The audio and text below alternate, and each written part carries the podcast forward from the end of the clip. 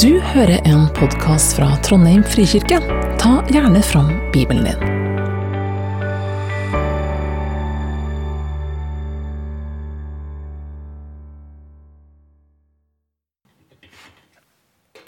Dagens tekst er hentet fra Matteus kapittel 7, vers 13-14. Gå inn gjennom den trange porten, for vi er porten, og brei er vegen som fører til fortaping. Og mange er de som går inn gjennom den. Men trang er den porten, og smal er den vegen som fører til livet, og få er de som finner den. Som eh, Lise nevnte, så heter jeg Martin. Martin Øystese. Um, og Det er ikke sikkert alle kjenner meg så godt. Uh, det er litt fordi at uh, jeg har tre små barn. Så hvis jeg er her, så er jeg ofte ute i barnerommet der ute. Uh, og hvis ikke, så er jeg med en sovende baby. og de som ikke kjenner meg så godt, de vet én ting om meg, og det er at jeg har juletre i dag. og det, det sier egentlig ikke så mye om meg. Jeg er egentlig oppvokst med intet juletre før 23. 23. desember, og det skal hogges i egen skog. Så det her er et resultat av at uh, vår familie aldri feirer jul hjemme, og derfor ønsker å ha juletre før vi enten reiser til min, min familie på Vestlandet eller kona mi som familie i Tyskland. Men det er ikke juletre det skal handle om. Eh, til vanlig så, eh, så, har jeg eh, tre barn som, eh, som, så mange andre har bestemt seg for å være syke akkurat nå. Så det er litt deilig å komme hit og få fri et par timer. Og når jeg ikke er hjemme med ungene, så jobber jeg på NTNU, på lærerutdanningen. Jeg er historiker og jobber på samfunnsfagseksjonen der. Vi skal snakke om, om veien som fører til livet som er tittelen. Men som dere hørte i teksten, så er det her snakk om to veier. Og overskriften i min bibel i alle fall, er 'De to veiene'. Eh, dette er begynnelsen på slutten av bergpreiken. Nå vet jeg at Neste uke så, så, skal vi hoppe eh, litt eh, tilbake igjen. Så selv om min del er kan se på som begynnelsen av slutten, så har dere mer i vente, dere som går fast her i Frikirka. Det som gjenstår i bergpreik, er fire valg. I dag så har vi lest om de to veiene. Hvilken vei søker vi å gå på? Den breie vei som er lett å finne, eller den smale sti som kan være mer utfordrende å komme fram til? Etter dette så eh, ber, oppfordrer Jesus til å ta standpunkt når det kommer til falske og sanne profeter, falske og sanne disipler, og til slutt ta stilling til hva fundament ønsker man å bygge livet sitt på. Bare for å få litt eh, bakgrunn til eh, det han snakker om nå. Det å nevne vei er veldig vanlig i Bibelen. Det er mye snakk om å være på den riktige veien, eh, å følge Guds vei, osv. Både i Gamle testamentet og i Nye testamentet. Og Noen av dere er kanskje interessert i vei og i bil og, så videre, og lurer kanskje på hva visste egentlig Jesus om vei. Han visste nok en del. Jesus han er innbygger i det romerske riket. Og Hvis det var noe romerne kunne, så var det å bygge vei. Det er de beste veiene på den sida av asfalt. Eh, det skal ta 1900 år før Europa ser bedre vei enn den romerne bygde. Og når europeerne på 1900-tallet bygger vei, så er det ofte på disse gamle romerske veiene. Det betyr at Jesus lever i ei tid der folk kan bevege seg relativt raskt. Så når Jesus snakker i bergpreken, så er det ikke bare noen lokale folk som eh, stiller opp, men det er sannsynligvis mange mennesker fra ulike plasser, ulike kulturer, ulike bakgrunner. Det er jøder, det er kanskje handelsmenn, det er fariseere, blant annet. I tillegg så går talen inn i et narrativ om makt. De store romerske veiene førte til Rom. Alle veier fører til Rom. Det er der makten er. Å advare mot å være på den breie, sti, den breie veien kunne tolkes inn i et narrativ om at man skulle passe seg for det som kom fra Roma. Det passer veldig godt inn i en fortelling om Messias skulle befri jødene. Og så passer det ikke fullt så godt inn i fortellingen til mange av de jødene som hadde søkt makt, som gikk for på den, på den eh, breie veien.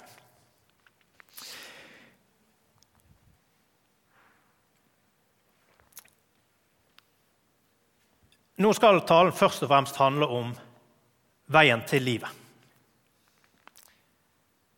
Men halvparten av teksten vår handler ikke om veien som fører til liv. Og denne teksten, her, Selv om den er veldig kort, så er han òg utfordrende. Han, snakker om noen ting som, som mange i vårt samfunn ikke liker å tenke på. Og det skjønner jeg godt. Jeg liker heller ikke så godt å tenke på det. Men Jesus gjør det her klart at det fins to utganger. Det fins to alternativ. Til den breie veien som leder til fortaping. Og mange er de som går inn gjennom den. Det er ubehagelig å tenke på.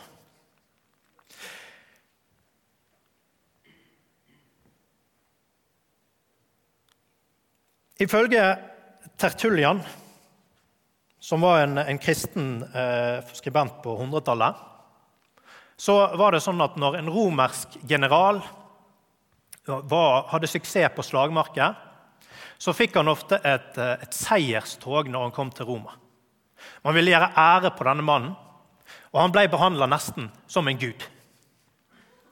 Og Ifølge Tertullian eh, så skulle han, eh, denne romeren, denne generalen, stå på ei vogn, og bak han skulle følge krigsbytte, eh, fanger, slaver som var tatt på slagmarket osv. Men rett bak han så skulle det stå en slave.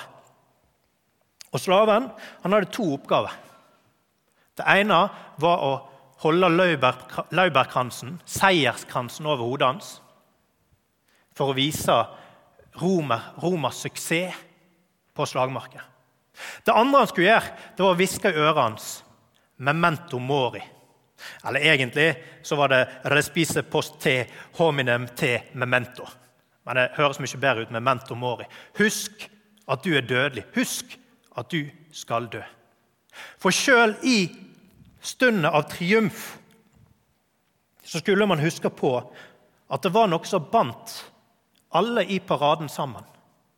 Enten det var generalen, slaven, krigsbyttet eller publikum. De var alle bundet sammen av dette ene. Husk at du skal dø. Og Vi lever i et samfunn der døden kan virke ganske fjern. Vi har det, mange av oss har det veldig godt. Vi skal feire jul. Eh, det handler om livet, det handler om, om, om fellesskap. Og døden er ikke noe vi ønsker å tenke på. Men allikevel så kommer vi dit, alle sammen, en gang. Og hva da? Husk at du skal dø. Men hva så? Hva skal man gjøre med det? Og mange av oss de ønsker å følge mennesket. Eller følge seg sjøl. Mange i vårt samfunn de, de prøver å finne seg sjøl, de prøver å, å, eh, å realisere seg sjøl. Det er ofte det det handler om. Hvordan kan jeg bli mitt ypperste? Det kan handle om jobb, det kan handle om utseende, det kan handle om penger. Men så vet vi, alle sammen djupt inne, at en dag så blir jeg pensjonert. Hva da med jobbkarrieren min som jeg har bygd opp? En dag så er jeg ikke så pen som jeg er i dag. En dag så kan ikke pengene mine kjøpe meg fri. Hva da?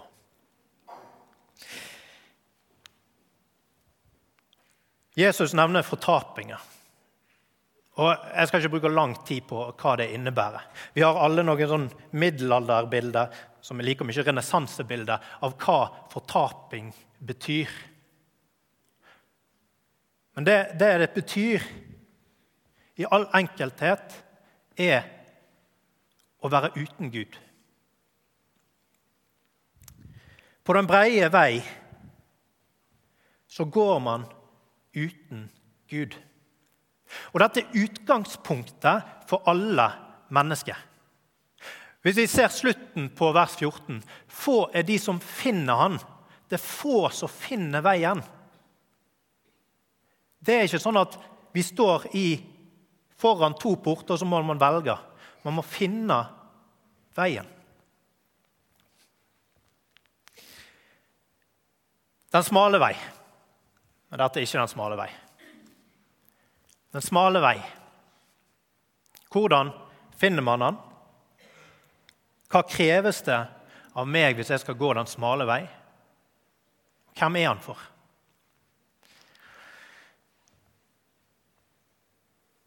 I uh, The English Standard Version av, uh, Bibelen, altså ESV-oversettelsen til engelsk, så bruker de ordet uh, 'hard'.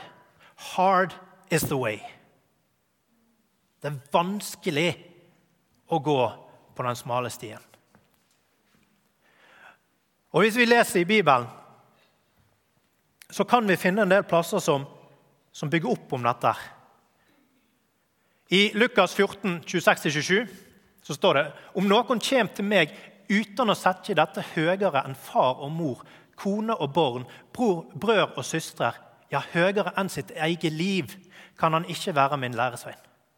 Den som ikke ber krossen sin og følger etter meg, kan ikke være min læresvein. Det er tøft. Det er tøft sagt. Å skulle stå foran noen og si at dette her, gjør dette her, så er du på den smale sti. Det er tøft å høre. Den smale sti er full av freistinger, latterliggjøring, forfølging. Og det høres kanskje ikke så fristende nytt. En annen plass så står det om hva som kreves for å følge Gud. Følge Jesus. I Galatane 5, 1923 så står det det er klart hva slags gjerninger som kommer fra kjøtet. Hor, umoral, usømn, avgunstdyrking, trolldom, fiendskap, strid, sjalusi, sinne, sjølhevding, usemje, splittinger, misunning, fyll, festing og mer av det slaget. Jeg har sagt det før og sier det på nytt. De som driver med slikt, skal ikke arve Guds rike. Men andens frukt er kjærleik, glede, fred, tålmod, mildskap, godleik, truskap, audmykskap og sjøldisiplin. Slike ting er ikke lova imot. Det er høye krav. Kanskje ikke det man forventer å høre på eh, første søndag i advent. Og jeg veit at dette her, det tror jeg ikke jeg klarer. For det hender at jeg setter andre ting høyere enn Gud. Det er ikke alltid jeg driver med, det er ikke så ofte jeg driver med trolldom, men eh, fiendskap, strid, sjalusi, sinne, sjølhevding, usemje, splittinger Ja. Misunning Ja. Viser jeg alltid kjærleik, glede, fred? Jeg har tre små barn. Tålmodighet. Nei. Sjøldisiplin? Nei. Så er kanskje ikke den smale stien noe for meg. Heldigvis skal ikke jeg slutte nå. Da tror jeg ikke jeg hadde blitt bedt om å tale i Frikirken noen gang igjen.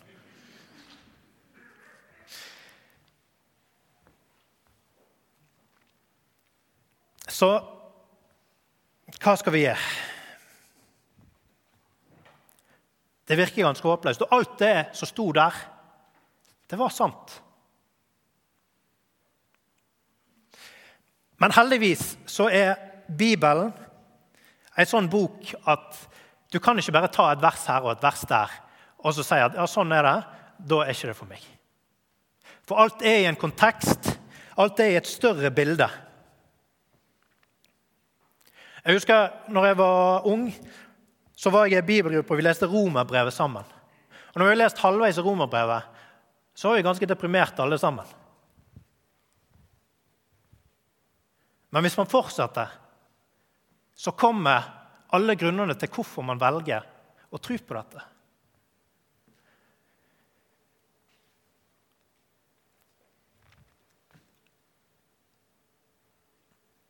I, i eh, Jeg sa det litt tidlig, men det får våge seg. I uh, Matteus uh, 19 så møter vi en rik mann. Det er en rik mann som har fulgt eh, alle budene. Og Nå kommer han til Jesus og spør hva skal jeg gjøre for å bli frelst. Jesus gir han en tøff beskjed. Han sier, 'Gå og selg alt du eier. Gi det til de fattige, og kom og følg meg.'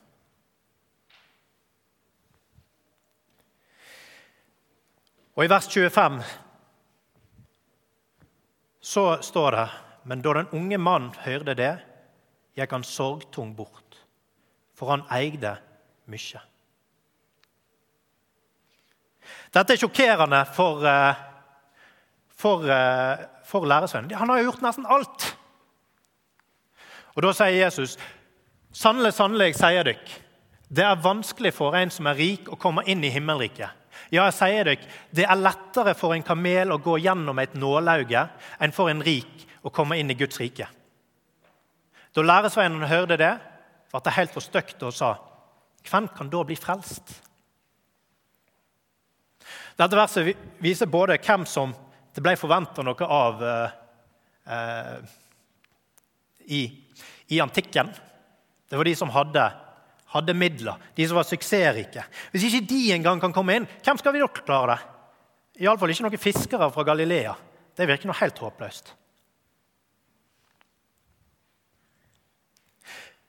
Men det mannen gjør, det er at han sier 'Hva kan jeg gjøre?' Hva kan jeg mestre for å få frelse?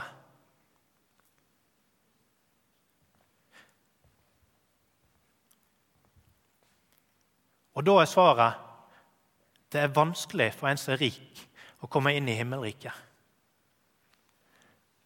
Og Jesus så på dem og sa, for mennesket er det umulig, men for Gud er alt mulig. Og her er vi framme ved hovedskillet mellom den breie veien og den smale stien. For på den breie veien så er man ute etter hva kan jeg gjøre, hva kan jeg oppnå, hva skal jeg gjøre for å bli bedre, hva kan jeg gjøre for å komme nærmere?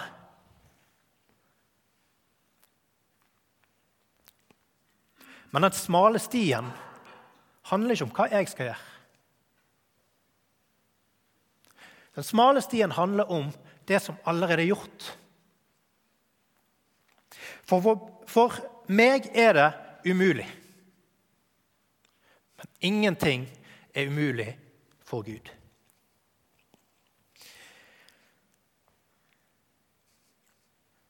Gud han har sett seg ut ei løsning. Og det er ei løsning som disiplene ikke ser. I Johannes 14, vers 4-6, her har Jesus akkurat sagt at han skal gå bort og lage i stand et rom til læresveinene.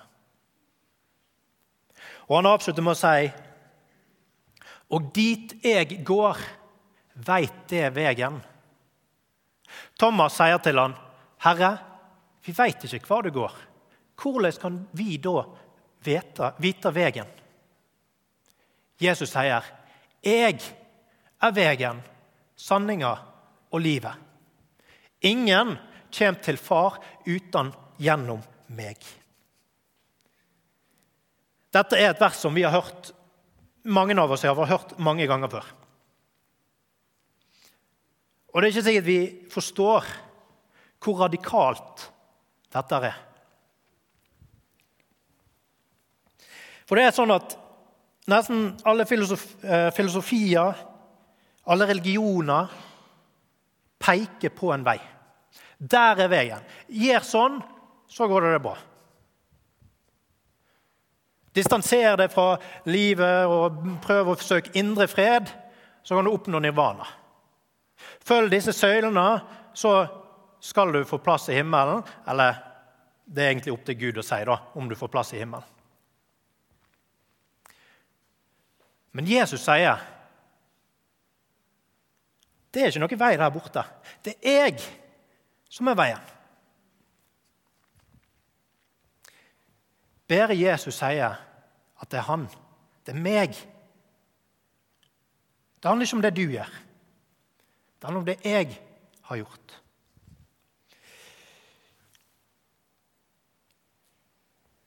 Mange hevder, når de blir konfrontert med eh, spørsmål om hva som skjer etter døden så i alle fall Før så var det i fall mange som sa det at jeg, jeg er bedre enn naboen. Eller jeg er bedre enn kollegaen min. Har du sett hva han holder på med? Men det er sånn at de som er på den smale veien I det tilfellet så den type argumentasjon det gir ikke mening. For hvis man er på den smale stien, så er det ikke sånn at du er bedre enn de som er på den breie veien. Jeg er ikke bedre enn kollegaen min. Jeg er ikke snillere. Jeg gjør like mange dumme ting. Men det handler ikke om meg. Så Derfor gir det ikke mening å si at jeg, det går bra med meg etter døden, for jeg er snillere enn noen andre. Vi har alle feil. Vi har alle distansert oss fra Gud.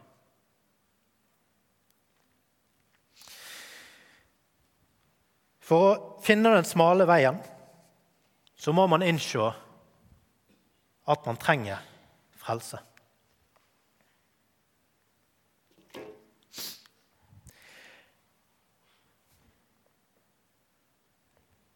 I begynnelsen av bergpreiken så er det det vi kaller for saligprisninger. Og De to første versene står det særlig er de som er fattige i ånda, himmelriket er deres. Og i vers 4.: Særlig de som sørger, de skal bli trøysta. De som er fattige i ånda, veit i seg sjøl at de ikke strekker til. Åndelig så er vi ikke der vi skal være. Og de som sørger, de sørger gjerne over sine egne synder. Jeg har feila igjen. Jeg strekker ikke til. Og Det er en eh, skotsk baptistprest som heter Alexander McLaren. Og Han sammenligner disse to første saligprisene på begynnelsen av bergpreiket med de to dørstolpene i den trange porten. Disse to utgjør de to dørstolpene til den trange porten som en mann må presse seg gjennom. Det er for snevert for noe av hans ære eller utmerkelser.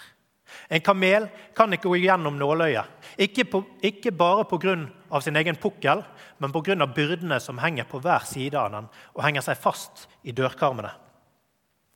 All min selvtillit, rykte og rettferdighet vil bli gnidd av når jeg prøver å presse meg gjennom den trange port. På den breie vei så er det viktig å ta seg godt, godt ut. Det er viktig å mestre. Det er viktig å, å bety noe for andre. På den smale sti så betyr ikke det noe. Hva du tjener i måneden, hvor ofte du vasker i frikirka, hvor tålmodig du er med barna dine, hvor pen du er, hvor mange venner du har, hvor mange følgere du har på TikTok. Jesus vil ha deg bak sminken, bak pengene, bak TikTok, bak alt det som er viktig i vårt liv. Det er den personen Jesus ønsker fellesskap med.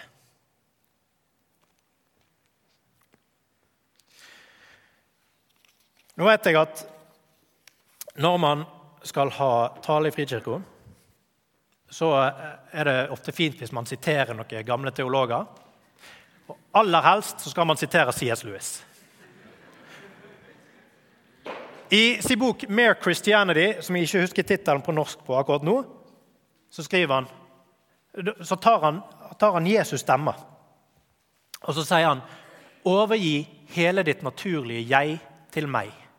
Alle begjær, både dem du synes er uskyldige, og den du synes er onde. Vær smitt og smule. Jeg skal gi deg et nytt selv i stedet. Ja, jeg skal gi deg meg selv.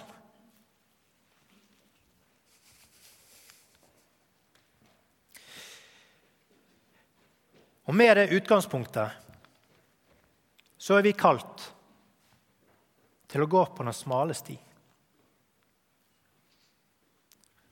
Kan det bli tøft? Ja.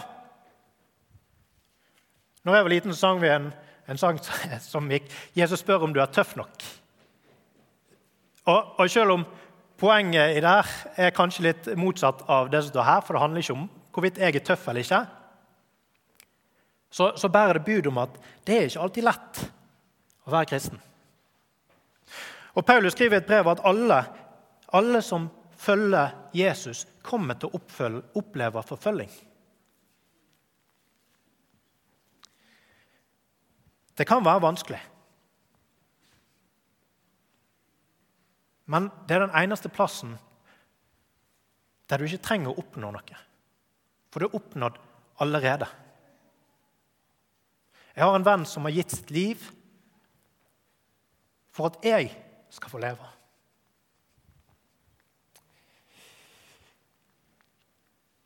Skal avslutte med et siste bibelvers. Så var litt dårlig farge på, på uh, skriften her. Men i Matteus 11, 28-30 så står det:" Kom til meg, alle dere som sliter og har tungt å bære. Jeg vil gi deg hvile. Ta mitt åk på deg og lær av meg, for jeg er mild og mjuk i hjertet. Så, det, så skal det finne hvile for dykkers sjel. For mitt åk er godt, og mi bør er lett. Jeg vet ikke om åk er et ord dere bruker veldig ofte. Men et åk er egentlig kanskje mitt favorittord i denne sammenhengen. Der. For hva er et åk? Et åk kan være en slags vektstang der du bærer ting på begge sider. Men i denne sammenhengen her så er det et, et, et eh, verktøy som man legger over oksene, og så trekker de sammen. Så hva vil det si å ta Jesus sitt åk på seg? Det betyr at uansett hvor hardt det er på den smale sti, så er du aldri alene. Jesus, Guds sønn, deler åket med deg. Det er noe som skiller kristendommen fra alle andre religioner. At Jesus har vært menneske. Han har gått stien før. Han har opplevd alle fristelser, all smerte, all sorg.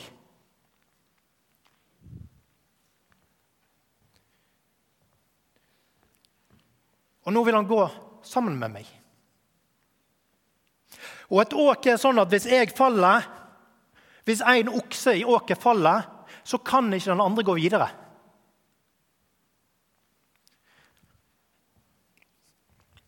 For Jesus forlater deg ikke når du faller. Og han står ikke bak deg og venter på at du skal drite deg ut.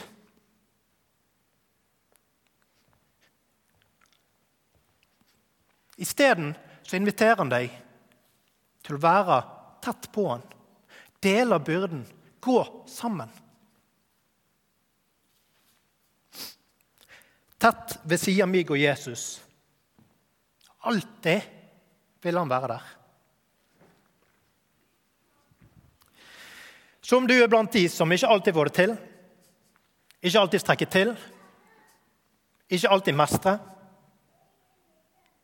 så søk den trange port. Vi skal søke å gjøre det gode. Vi skal søke etter, etter åndens frukter. Men ikke fordi at vår frelse avhenger av det. Isteden skal vi la våre gjerninger bli påvirka av den frelsen som vi allerede har. Jeg be. Kjære far, takk for at du er veien. Takk for at du har gått den trange stien før oss. Takk for at det ikke avhenger av, av det vi gjør. Jeg ber om at du må hjelpe oss, holde oss oppe og Styrke oss på den smale sti. Og hjelpe oss å frimodig dele ditt ord. Amen. For at du hørte på. Velkommen til gudstjeneste søndager klokka 11. Mer informasjon finner du på trondheim.frikirke.no.